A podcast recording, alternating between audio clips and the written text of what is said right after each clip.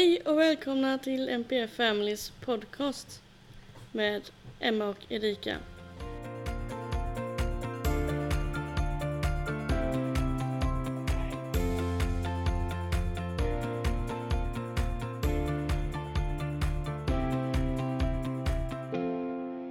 Nu är vi uppvärmda och har redan spelat in ett poddavsnitt så nu är vi redo för ännu fler. Jajamän. Vad säger du? Ja, alltid redo. När man väl har börjat så kan man inte sluta. Nej, det, det är så roligt. Ja, det är det. Så eh, vad ska vi prata om då? Idag så ska vi faktiskt ta och dyka ner lite i när det gäller utredning för just autism. Ja. Eh, I Och- vårt fall så var det både autism och IF så jag kan väl blanda i dem lite men jag vet ju vad som var vad. Ja. Men- Ehm, Vem vill börja? Känner du dig manad? yes. Nej, men jag tänker att vi pratar lite sakta och eh, sticker in med lite frågor och försöker eh, göra det så förstående som möjligt, tänker jag. Förståeligt som möjligt. Ja, och det, allas eh, utredningar går ju inte till på samma vis. Nej, Men eh, så här gick det till för oss i alla fall. Och, det gjorde det. Ja. Eh, så vi får se om ni får liknande eller inte. Ja, och jag tänker ju då berätta om min äldsta flicka eh, eftersom vi gick igenom utredning detta året. Ja, det är ju väldigt dagsfärskt. Ja, och eh, min äldsta dotter är ju 10 år men jag tänker börja och prata lite om hur de började anpassa i skolan när hon började i ettan. Mm. För det var ju lite, det var ju lite där, man börjar ju märka lite i, eh, i nollan, i förskoleklass, att eh, redan där började kraven öka lite grann.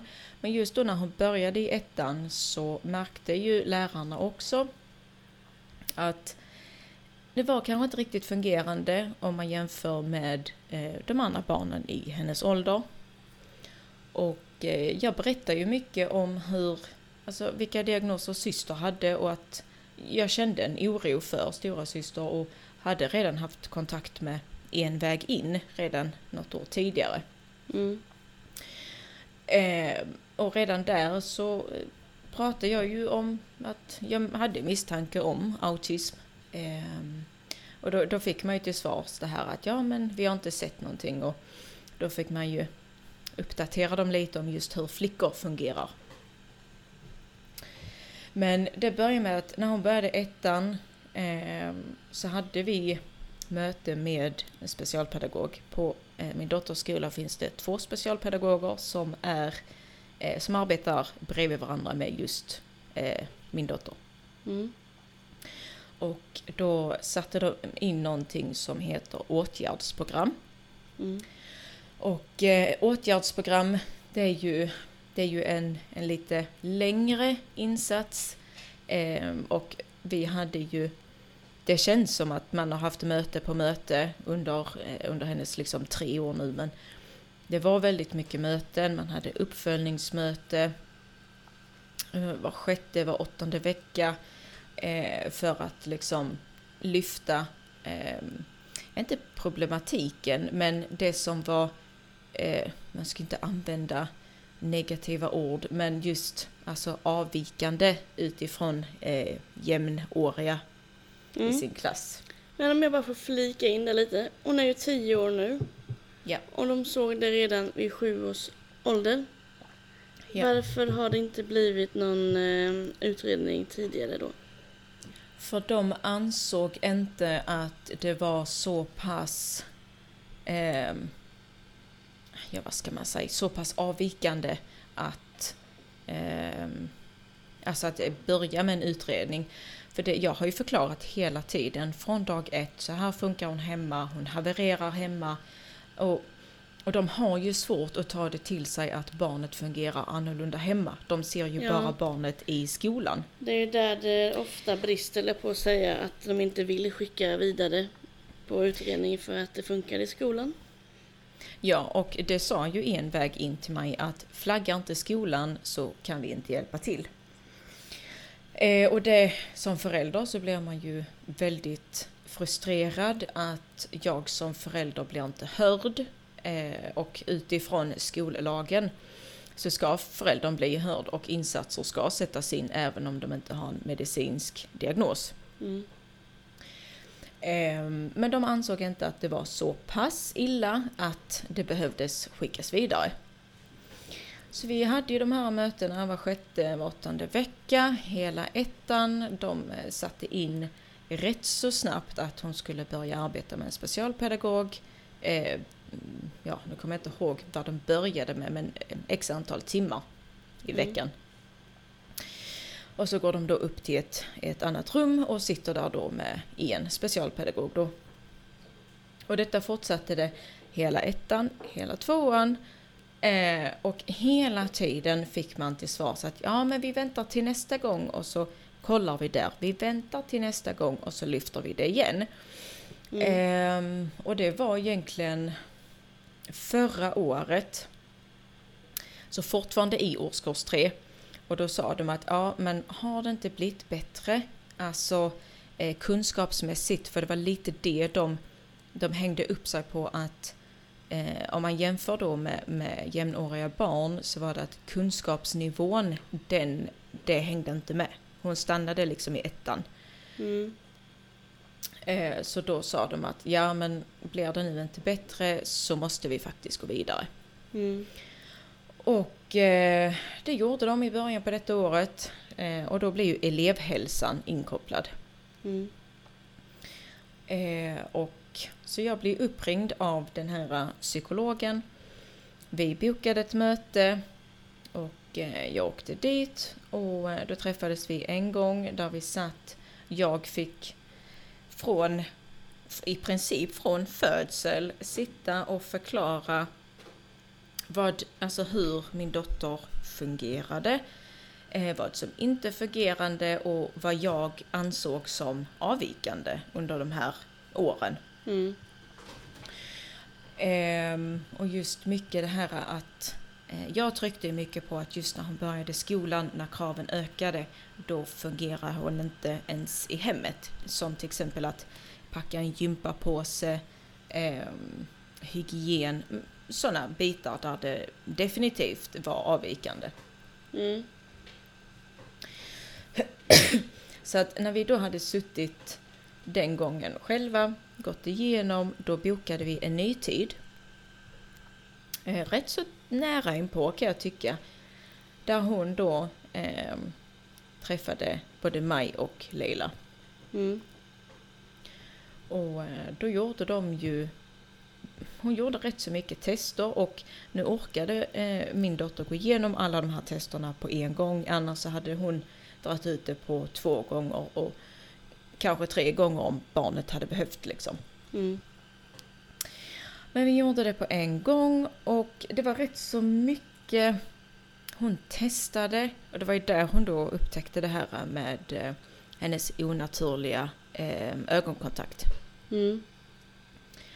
Så man, de, hon testade mycket förståelse, eh, hur och om hon kunde kopiera olika former, till exempel en triangel, eller om hon kunde få ihop på en iPad, såg hon en bild, men eh, det pusslet hon fick det var liksom huller och buller och det skulle hon få ihop så att det liknade bilden ovanför Mm och liksom skulle rita och kopiera. Och det var väldigt mycket sånt och hade väldigt hade mycket dialog för hon ville se liksom det här eh, sociala samspelet och förståelse och läsförståelse och mycket. Det var väldigt mycket på en och samma gång. Jag kan säga att min dotter var väldigt trött efter det här mötet. Ja, det förstår jag.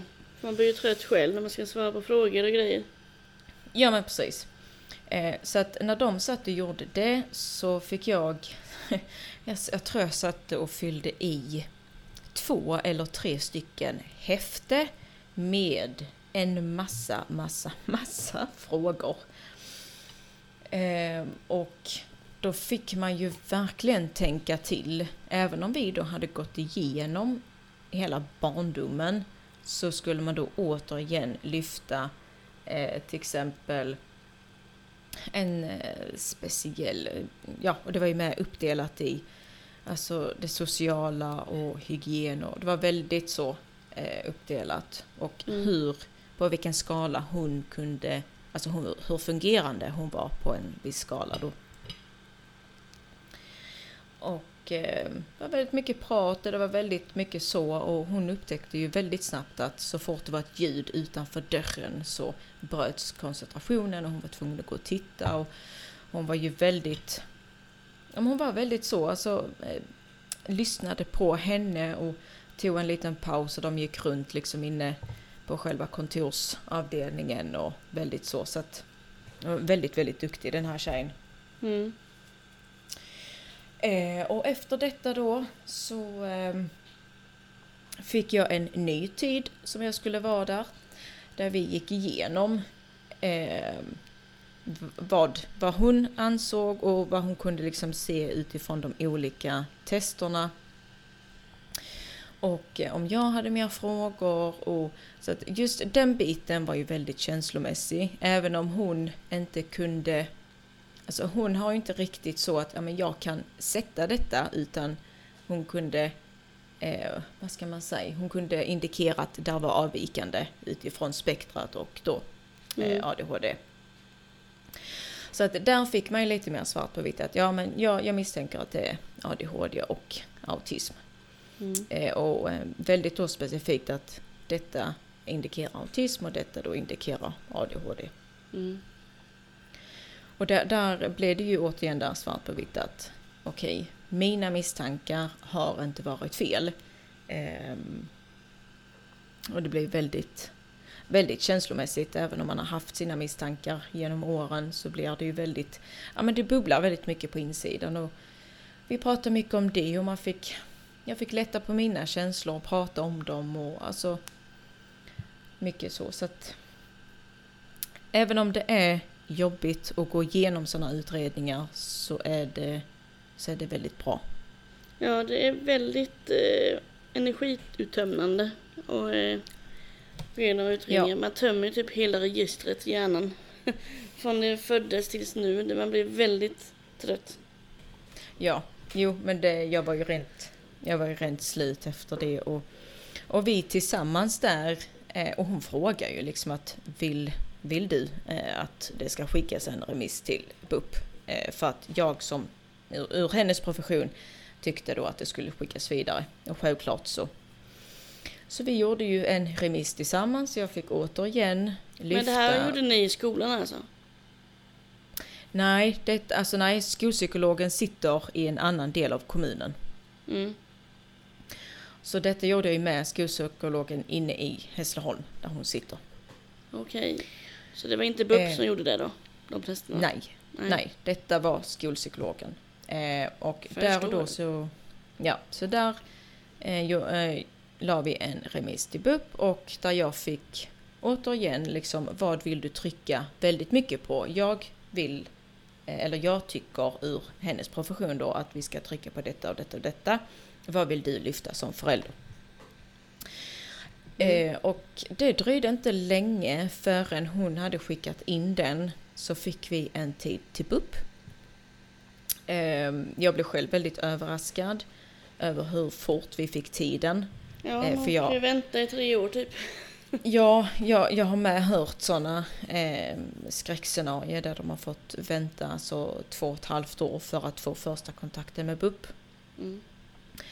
Men när vi kom dit så träffade vi två stycken läkare på en och samma gång. Den ena, eh, om jag uppfattade rätt, så var det liksom att den ena läkaren förde samtalet med dottern och med mig och den andra satt och gjorde en observation. Det var, Mm. väldigt, ty- det var väldigt tydligt, för hon, hon sa ingenting utan man märkte ju direkt att ja, men hon ska nu bara sitta och observera. Och där eh, sitter han ju och pratar med henne och väldigt så att ja men nu ska jag prata lite med mamma och är det okej? Och, eh, och då sa han ju alltså, väldigt rakt ut att skolpsykologen har gjort ett väldigt bra grundarbete så att det är 99,9% med säkerhet att jag kan sätta diagnosen här och nu. Eh, men vi kommer ändå lyfta det med våra psykologer. Vad skönt att det är gjort på ett korrekt sätt. Oj. Ett korrekt ja. sätt och eh, att ni inte behöver göra mer jobb. Nej men precis, så att det, det gick ju väldigt fort. Ja, och det var väldigt omtumlande på alla sätt som bara finns liksom. Men alltså, och just det här att jag som förälder blev bekräftad i att du har haft rätt. Ja, men det är faktiskt skönt att känna den känslan.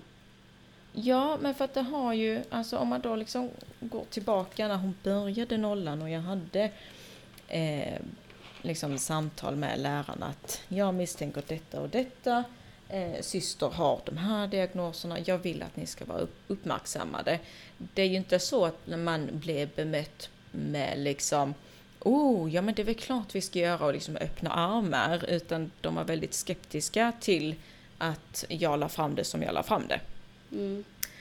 Eh, och det, där kan jag tycka att det behöver förändras. Attityden gentemot föräldrar och deras misstankar måste förändras för barnets skull. Ja, oftast så när det gäller när man säger det till någon anhörig eller en nära släkting eller whatever, vad det nu kan vara. Att eh, jag misstänker att den hade nog den diagnosen. De oftast viftar bort det bara, nej det, det växer bort. Ja. Det är bara som det ser ut. Det är bara som, du överdriver du. Du överreagerar. Det är inget eh, fel på den barnet. Jag bara, jag har inte sagt det något fel. Det är bara, jag känner att det är så. Men det är oftast man får den reaktionen. Det är ja, inte ofta att någon kommer fram till en. Jag tror ditt barn har autism. Har du tänkt utreda det? Det är inte någon som...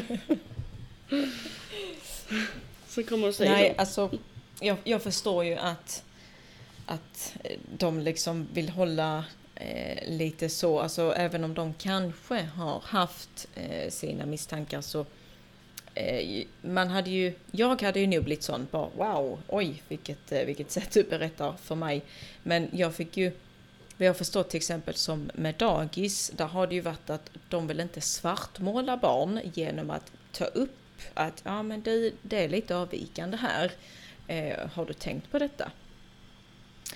Så mm. att, men det, det, handlar inte om att svartmåla barn, det handlar om att hjälpa barn. Det handlar om att ja. sätta in rätt insatser från början så att de ja. får rätt hjälp. Så att attityden och tankesättet när det kommer till diagnoserna från, eh, även från alltså dagis och eh, nollan, ettan, den måste förändras. Och ja. se det positivt.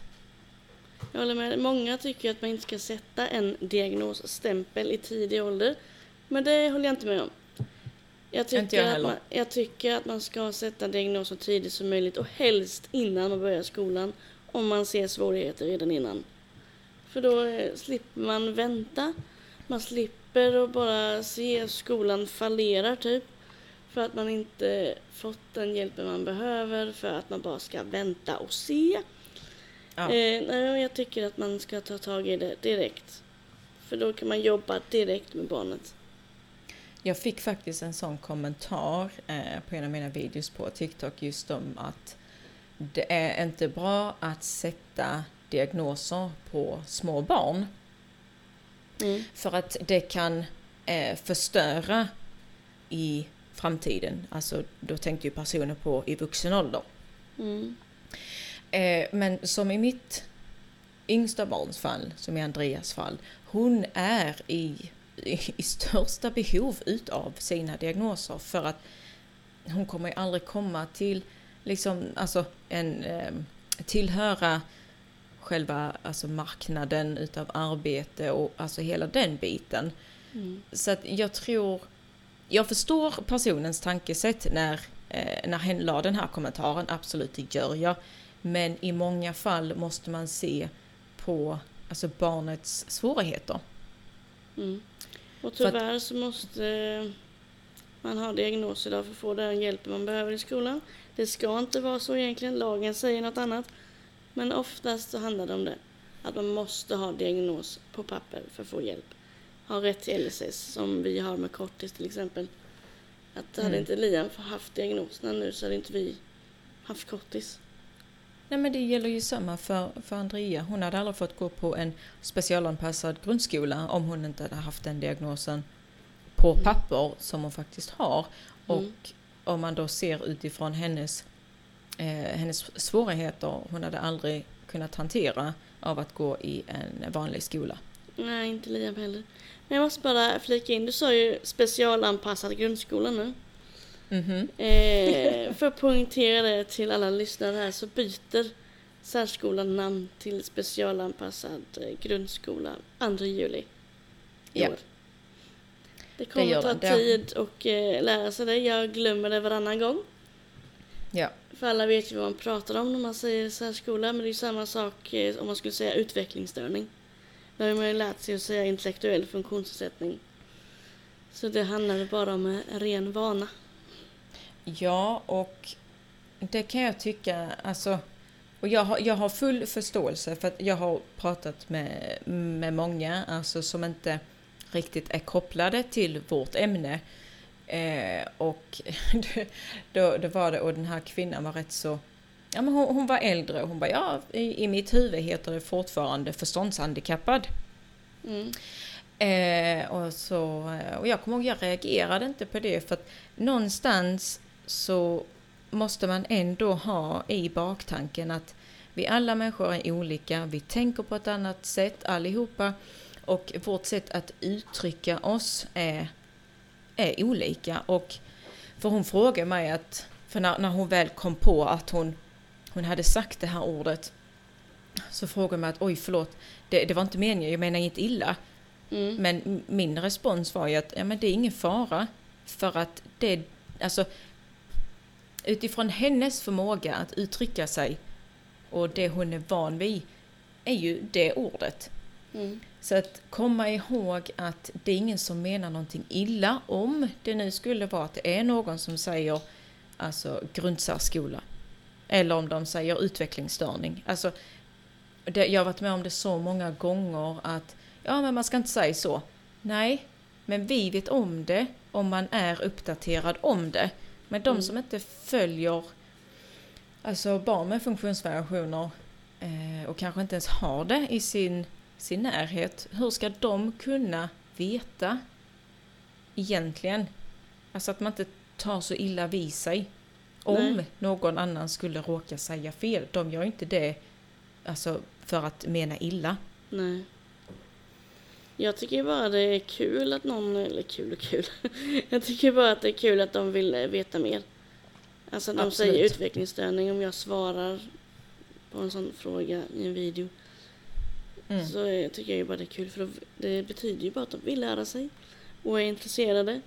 Och då får man ju lära andra ännu mer och eh, man får ut av det ännu mer. Ja, så att det... Jag tycker det är så roligt att det är andra som vill lära sig. Och det, det är som hon sa att ja men eh, du sa någonting inte sa det. Idag säger man intellektuell funktionsnedsättning. Men förr sa man eh, utvecklingsstörning. Ja, nej men det jag, jag kommer ihåg att man sa liksom förståndshandikapp. Men då vet man att, men nu har hon hört det, hon kommer ta det till sig. Och nästa gång så kommer hon ju komma ihåg, aha, intellektuell funktionsnedsättning. Jag tror jag Så- hörde um, förståndshandikappad när jag pluggade till behandlingspedagog. För jag vet att jag hade en, um, en klasskompis som hade en syster med intellektuell Mm. funktionsnedsättning. Eh, vi sta- sa ju förståndshandikappad då och det är ändå bara sju år sedan. Oj. Åtta år sedan är det nu. Mm. Så det har hänt lite sedan dess. Ja men det har det och det händer saker hela tiden som just det här med specialanpassad grundskola. Eh, jag menar det är ju väldigt, väldigt nytt och det kommer ta tid innan det liksom kommer in i systemet även hos människor runt omkring. Ja, det är klart. Och jag kan hålla med om att det är specialanpassad grundskola. Det låter ju bättre än om man skulle säga en grundsärskola. Mm. Nu dök vi in på ett riktigt sidospår här. Ja precis. Eh, Men om, om man då ska hoppa tillbaka till själva eh, utredningen. Hur, om, om du jämför lite med, med Liams, det var ju, det är ju såklart lite annorlunda så, men hur, hur, hur gick det till? på ett, väl, ett helt annorlunda sätt. eh, vi märkte ju hans autism extremt tidigt eftersom han har väldigt eh, tydliga drag och väldigt stora svårigheter. Eh, så jag, på, det var nog vid ett och ett halvt årskontrollen på BVC som jag ville att de skulle skicka en remiss till psykologen på BVC. För att jag är 99% säker på att eh, han har autism. Eh, och hon höll ju med, för hon har ju följt honom genom hela de här ett och ett halvt åren och alltid tyckte att han är avvikande på ett mm. eller annat sätt. Eh, så det, det, var inga problem. Jag vet ju att en del får ju kämpa som djur för att få igenom eh, en remiss på BVC i så tidig ålder. Men eh, vi fick det i alla fall och det är jag tacksam för. Så eh, det var väl på sommaren där tror jag ungefär. Eh, efter alla semestrar och när hösten kom till så fick vi en remiss till eh, psykologen och då hade vi ett möte med henne där vi berättade om hela Liams liv från han föddes tills han var ett och ett halvt år. Eh, och då var den psykologen väldigt insnöad på att det var för mycket trauman i hans liv för att kunna bedöma något sånt. Att de trodde att alla hans svårigheter och alla drag av, av av autism skulle bero på det. Men hon eh, ville göra en lekobservation på förskolan i alla fall. Så någon månad senare så åkte hon ju till Liams förskola och kollade honom en hel dag.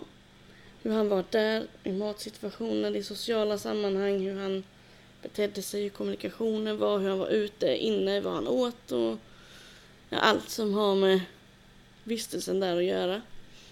Eh, och sen eh, hade hon återkoppling med oss. Och det var också några veckor senare. Jag tror det här var i november, oktober, november någon gång.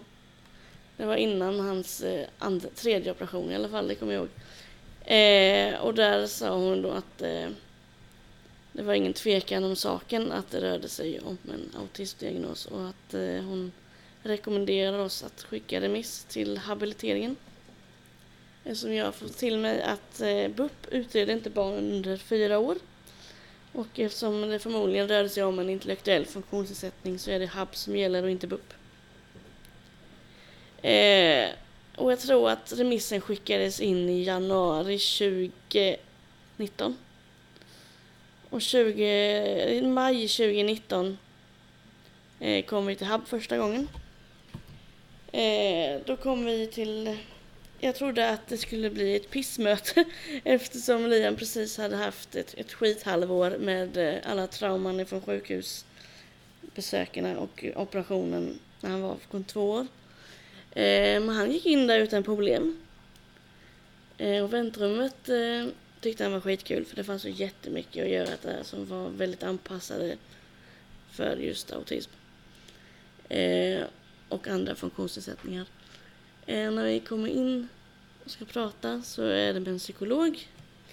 Ehm, eh, och de andra lekte med Liam och då var det både en arbetsterapeut, kurator, specialpedagog. Mm, de tre tror jag det var.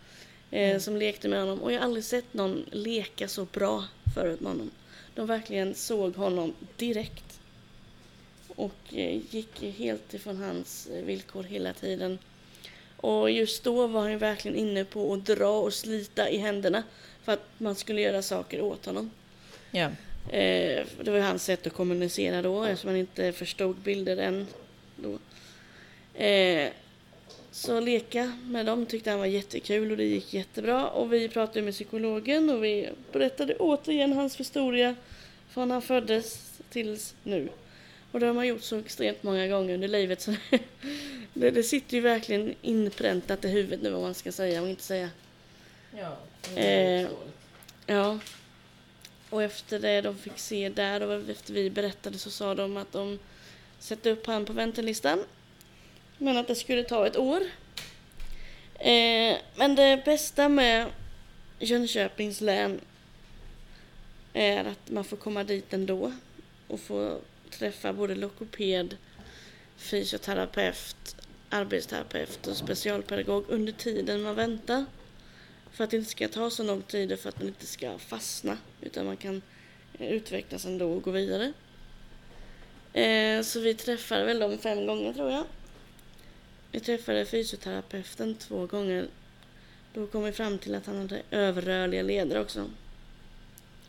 I, i bara fötterna och i knäna just. Så då fick han skoinlägg och gjorde massa roliga rörelser där inne. Eh, han hade skitkul där inne i alla fall. Det var en gymnastiksal de var i. Eh, och sen så fick vi massa papper och tips och tricks på hur man kan träna ögonkontakt bland annat. Eh, och eh, socialt samspel. Typ övade på att han skulle komma till oss. och att man skulle använda såpbubblor som eh, hjälpmedel typ. Och locka fram. Eh, nej men det var jättebra i alla fall att man fick komma dit. För då blir det inte det här glappet och hoppet. Eh, och sen fick vi kallelse till utredning i juni 2020. Vad hette det sa du? Eh, vi fick eh, en remiss på att vi ska komma dit på utredning. I, Men, eh, va- så det gjordes inte på BUP då? nej. Va, va, vad hette det? UCD? nej.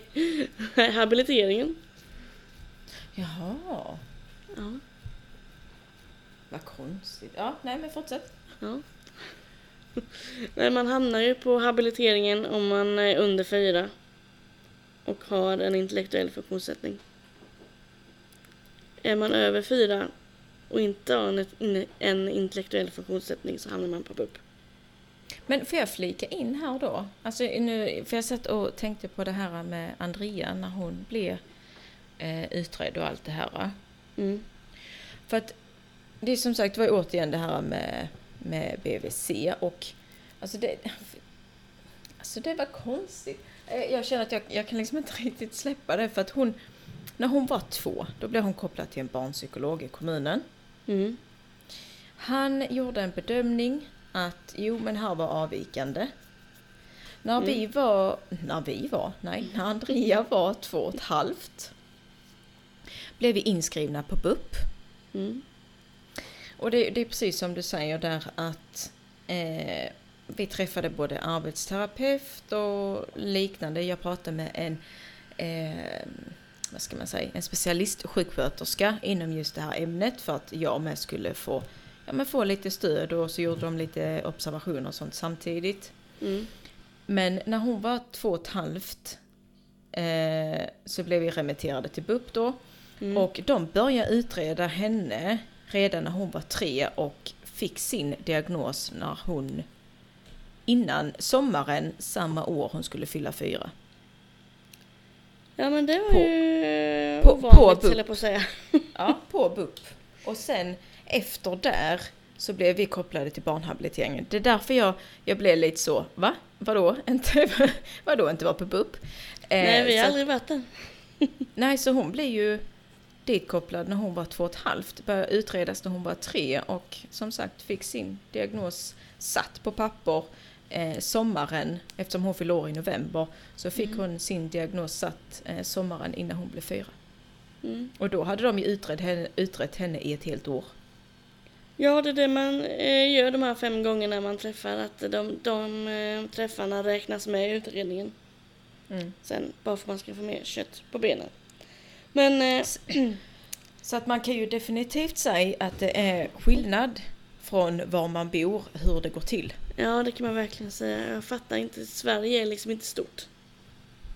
Men det är Nej, liksom och man- olika från kommun till kommun. Ja, jag förstår inte alltså varför det inte går till på samma sätt. Alltså vid samma ålder. Just där det som säger att ja men är man under fyra så hamnar man inte på BUP. Alltså du vet, det, det är lite, lite svårt för mig att, att ta det till mig för att vi blev kopplade till BUP när Andrea var två och ett halvt. Ja. ja det är lustigt.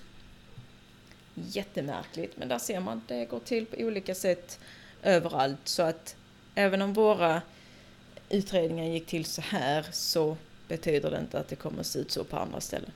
Nej det är det som är så kul att vi bor på olika håll med för då får man två perspektiv. Absolut, det, det är väldigt nyttigt. Ja.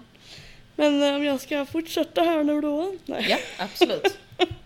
Så jag inte glömmer av var jag var någonstans. Nej, men Liam var tre och ett halvt år då när han skulle göra utredningen. Eh, och då var det vi först, vi föräldrar utan Liam. Eh, först eh, massa, massa, massa frågor med en psykolog. Om hela livet. Precis, tror det var 500 frågor. Jag kände mig helt eh, uttorkad i huvudet sen efter jag eh, hade varit där inne. För man vrider och vänder på sig själv för det är så invecklade frågor. Hur gjorde han i den situationen där och hur reagerade han då? Mm. Bara, uh, eh, och sen vid ett annat tillfälle så hade vi eh, massa, massa frågor med en läkare, eller neurologen då. Eh, och det var ju mest sjukdomsperspektivet medicinskt. Eh, och sen hade vi själva utredningsdagen. Eh, det var bara en dag som Lia var med då. Eh, och då gjorde vi både lekobservation och utvecklingsnivån. Eh, och det först, och eh, läkarundersökning. Eh, och det första vi fick göra var att han fick gå in i ett litet rum med eh, en psykolog och var det specialpedagog? Jag tror det. Eh, han såg inte oss och hörde inte oss. Men vi satt ju i rummet en till och såg honom hela tiden för det var ju ett sånt specialglas. Eh, då gjorde han olika tester. Eh, vad fick han göra då? Han gjorde pussel. Han satte i så stolpar i olika hål typ. Stolpar. Ja, pinnar i olika hål. Eh, vad gjorde han mer? Han sorterade färger. Det är det jag kommer ihåg just nu. eh, massa sådana enkla grejer i alla fall, för det var det han redde ut. Stoppar klossar till exempel och eh, lägga i ringar i, ja, en sån där grej. Om du förstår vad jag menar. Ja. Eh, och han eh, försökte ju slinga ut sig rätt många gånger, men då hjälpte det bara genom att sjunga lite. Så var med på banan igen. Eh, och sen efter det så gjorde vi en lekobservation och det var ju för att kolla autismen då. Mm. Eh, och då fick jag vara med, men jag fick inte göra någonting. Jag fick sitta på en stol längst bort i hörnet, inte göra någonting. Jag fick inte ingripa eller göra något. Och det tycker jag var skitjobbigt.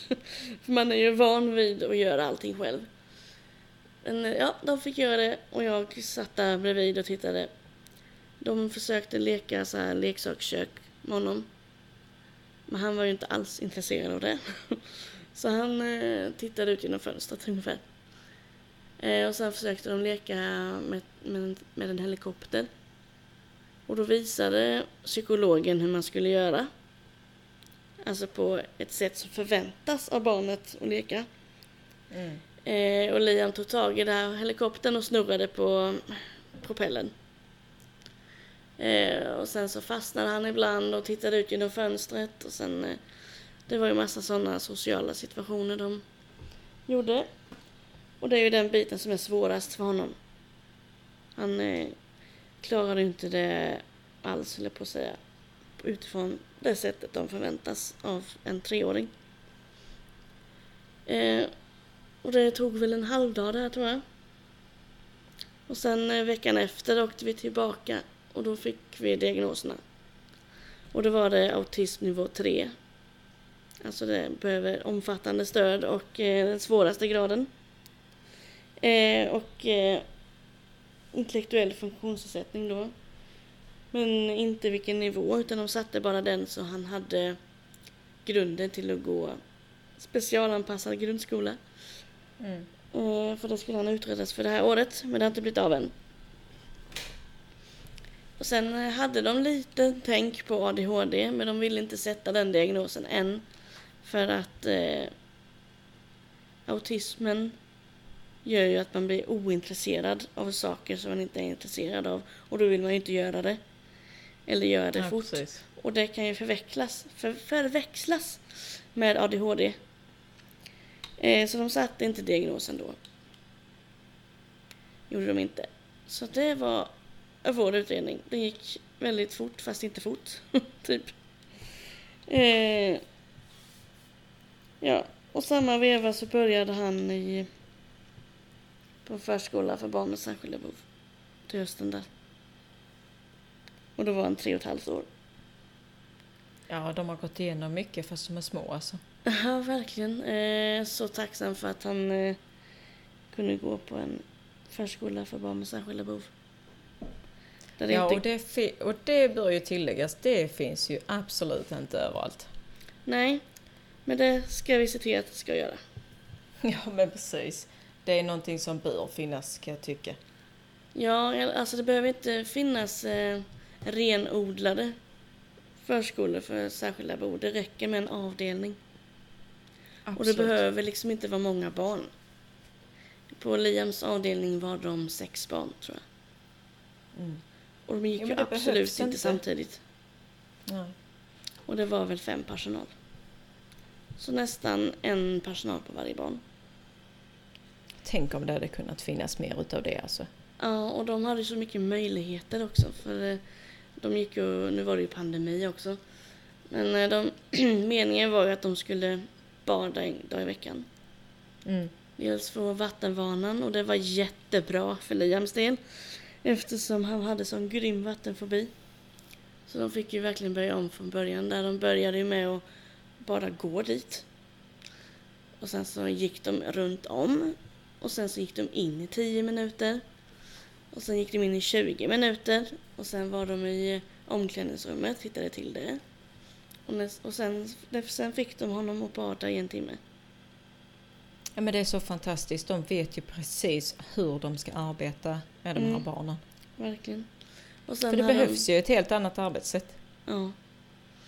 De var superduktiga och nu vet jag att minst en av dem lyssnar. Så mm. Stort cred till er. Eh, och sen eh, utflykt. Eh, en gång i veckan. Och mm. det är mm. liksom ingenting som eh, någon annan förskola gör. Det är klart att de går på utflykter.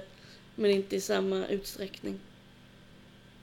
Ja men det märker jag med nu i, ja de har ju, de har ju blandade åldrar på Andreas specialanpassad grundskola. De har ju olika åldrar eh, även alltså i, i hennes klass.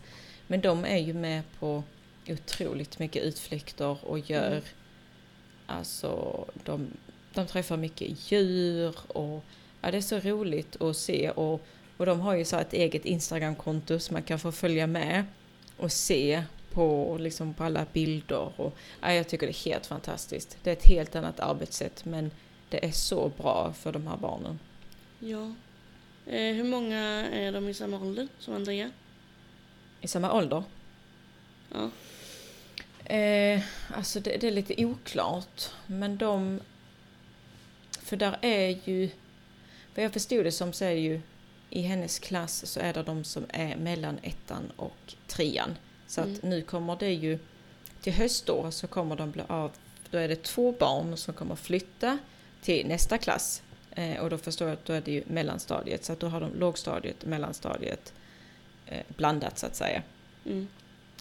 Så att eh, om jag har förstått det rätt så är väl Andrea yngst i hennes klass. Och där är de väl, tror de är fem, sex stycken där. Jag ja, tror de bara är tre här. Ja. Mm. Men det, jag tror de blir fyra till hösten bara. Och det är ju superbra. Ja, jag tycker också det är jättebra. För då är de en huvudlärare och så då två eh, assistenter. Så det, det, det, kommer bli, det kommer att bli bra. Jag tycker för, för Andreas skull, ju mindre barn desto bättre. Mm. Ja, så är det här också. Ju mindre folk desto bättre jobbar vi. Ja.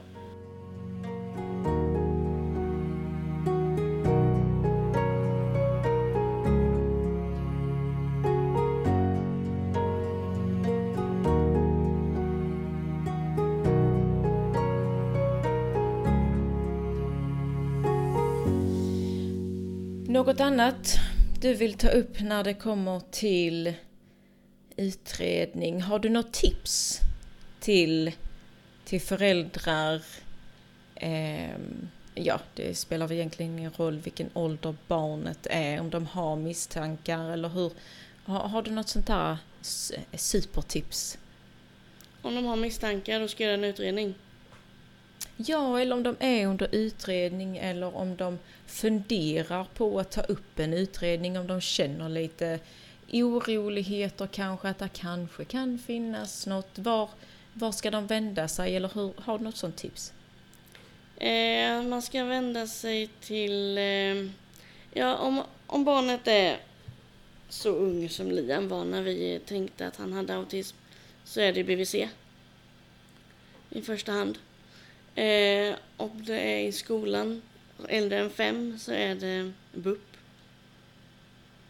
Eller så kan man ta det via skolan och sen BUP. Så det finns ju två olika vägar in. Men tyvärr så måste ju både BUP och skolan och hemmiljön vara inkopplade för att det ska bli en utredning. Mm.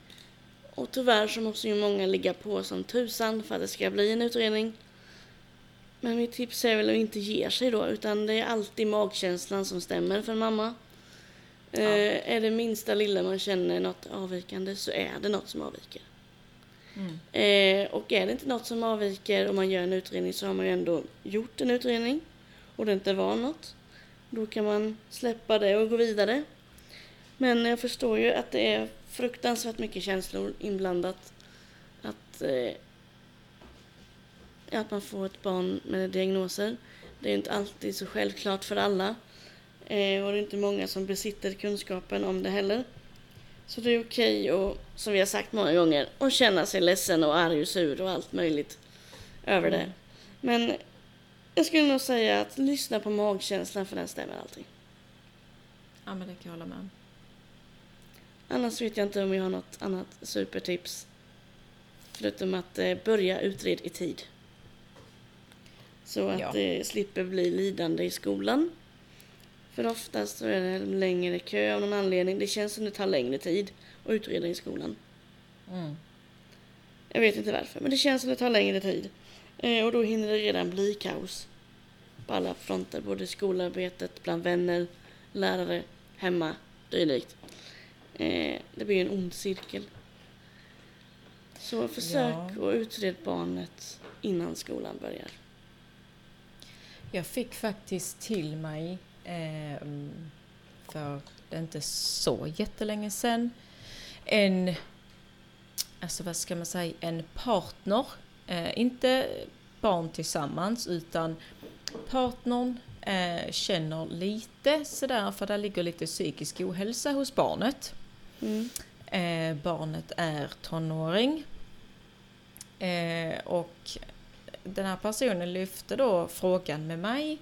Vad, vad tror du? Eh, det är liksom, ja men jag har sett detta och detta och detta och utifrån min erfarenhet och kompetens så det är ju såklart att då lyfter jag ju min att ja men det, det låter lite som att det kan eh, vara eh, inom spektrat Eh, Men frågan där var att hur lyfter jag detta med min partner utan att, vad ska man säga, väcka några alltså, jobbiga känslor eller det här, eh, för det kan ju faktiskt uppstå hat, alltså att personen i fråga blir väldigt arg att ja men varför säger du detta om mitt barn? Mm. Hur, hur hade man kunnat närma sig på bästa sätt, tycker du? Eh, jag har nog ett praktexempel här. Eh, nu redigerar ju Victor Porden, men du får han höra det här i alla fall. Ja. eh, jag tror att jag sa till honom när Liam var runt ett år att han ska vara beredd på att Liam har en autismdiagnos. Mm. Eh, Som jag själv jobbade med det och är utbildad inom det så såg jag ju det väldigt tidigt.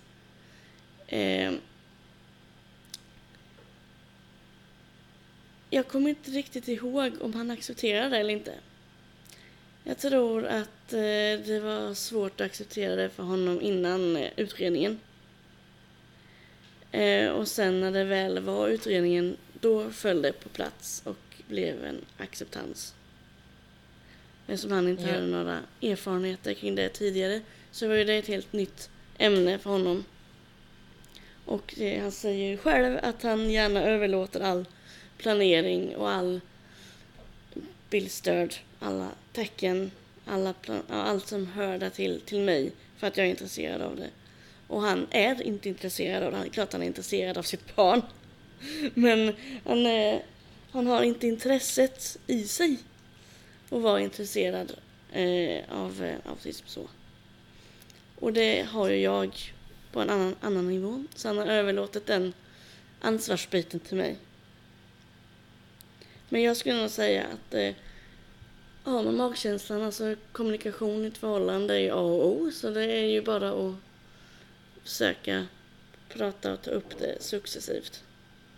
Ja, och jag tänker att man kan ju göra det på, eh, vad ska man säga, göra det på bästa respektfulla sätt utifrån alltså barnet då, att man, man har märkt detta och jag, jag tror det är precis som du säger, jag tror det handlar väldigt mycket om, om eh, kommunikation.